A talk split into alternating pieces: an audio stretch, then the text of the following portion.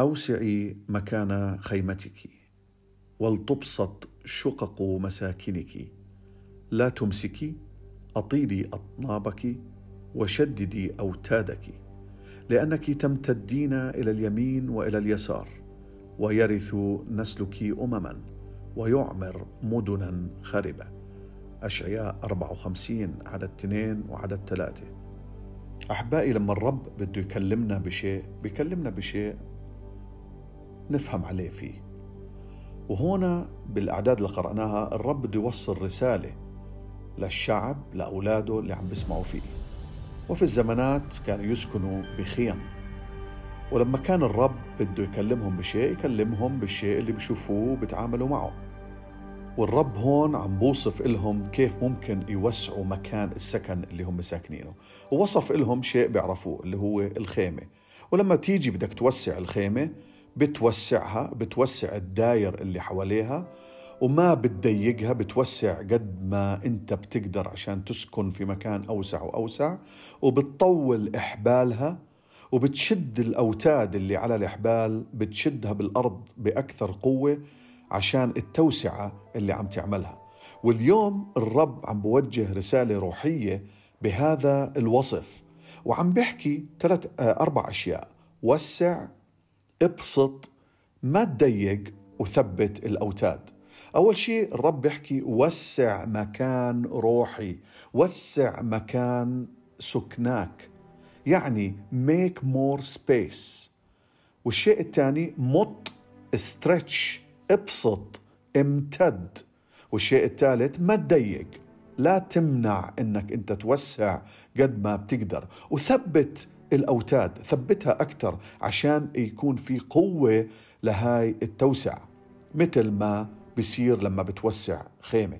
أحبائي الرسالة اللي اليوم آه، وصلتنا واللي عم توصلنا الآن بالروح القدس الرب بيحكي لك أنا بدي آجي على حياتك وسع إلي مكان وما تضيق. وبدنا نلاحظ أمر مهم جدا أنه الرب ما حكى قديش نوسع ما حكى المكان قديش لازم يوسع لكن كل ما وسعنا كل ما هو اجى على حياتنا بشكل أقوى وبشكل أكبر وكل ما كانت البركات الروحية والزمنية أكبر وأعمق. وسع ابسط امتد ما تضيق ما تضيق ما تمنع إنك تتوسع وثبت الأوتاد. الرب عم بيحكي لنا إنه بده يجي على حياتنا لازم نعطيه مكان لازم نعطيه وسع حتى هو يجي. وهو الرب شو بده يعمل؟ الرب بده يجعلنا نمتد إلى اليمين وإلى اليسار. الرب بده يجي بقوة وبركة جديدة.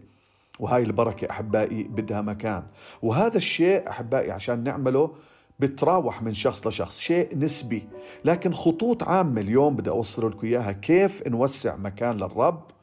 هو بالقداسة نوسع مكان للرب.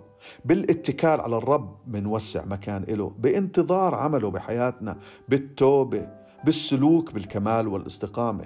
وبالتحلي بصفات الرب مثل المحبة مثل الوداعة مثل التواضع. هاي كلها أمور مهمة.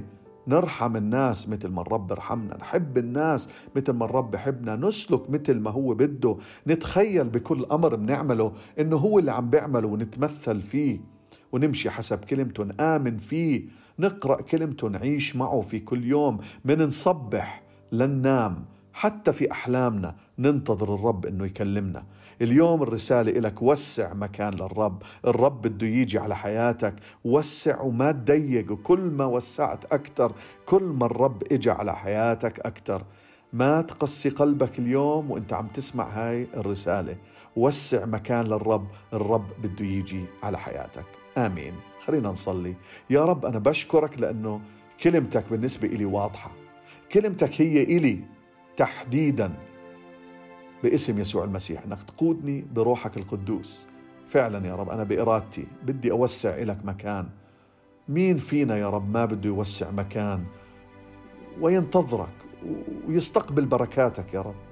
ويشوف يا رب محبتك ورحمتك ونعمتك في حياته. مين فينا ما بده هيك؟ أنا بدي هيك يا رب. عشان هيك يا رب أعطيني أوسع لك مكان يا رب. قودني بروحك القدوس يا رب. الأمور يا رب اللي سمعناها من قداسة ومن كل الأمور اللي سمعناها باسم يسوع المسيح. ولك كل المجد يا رب.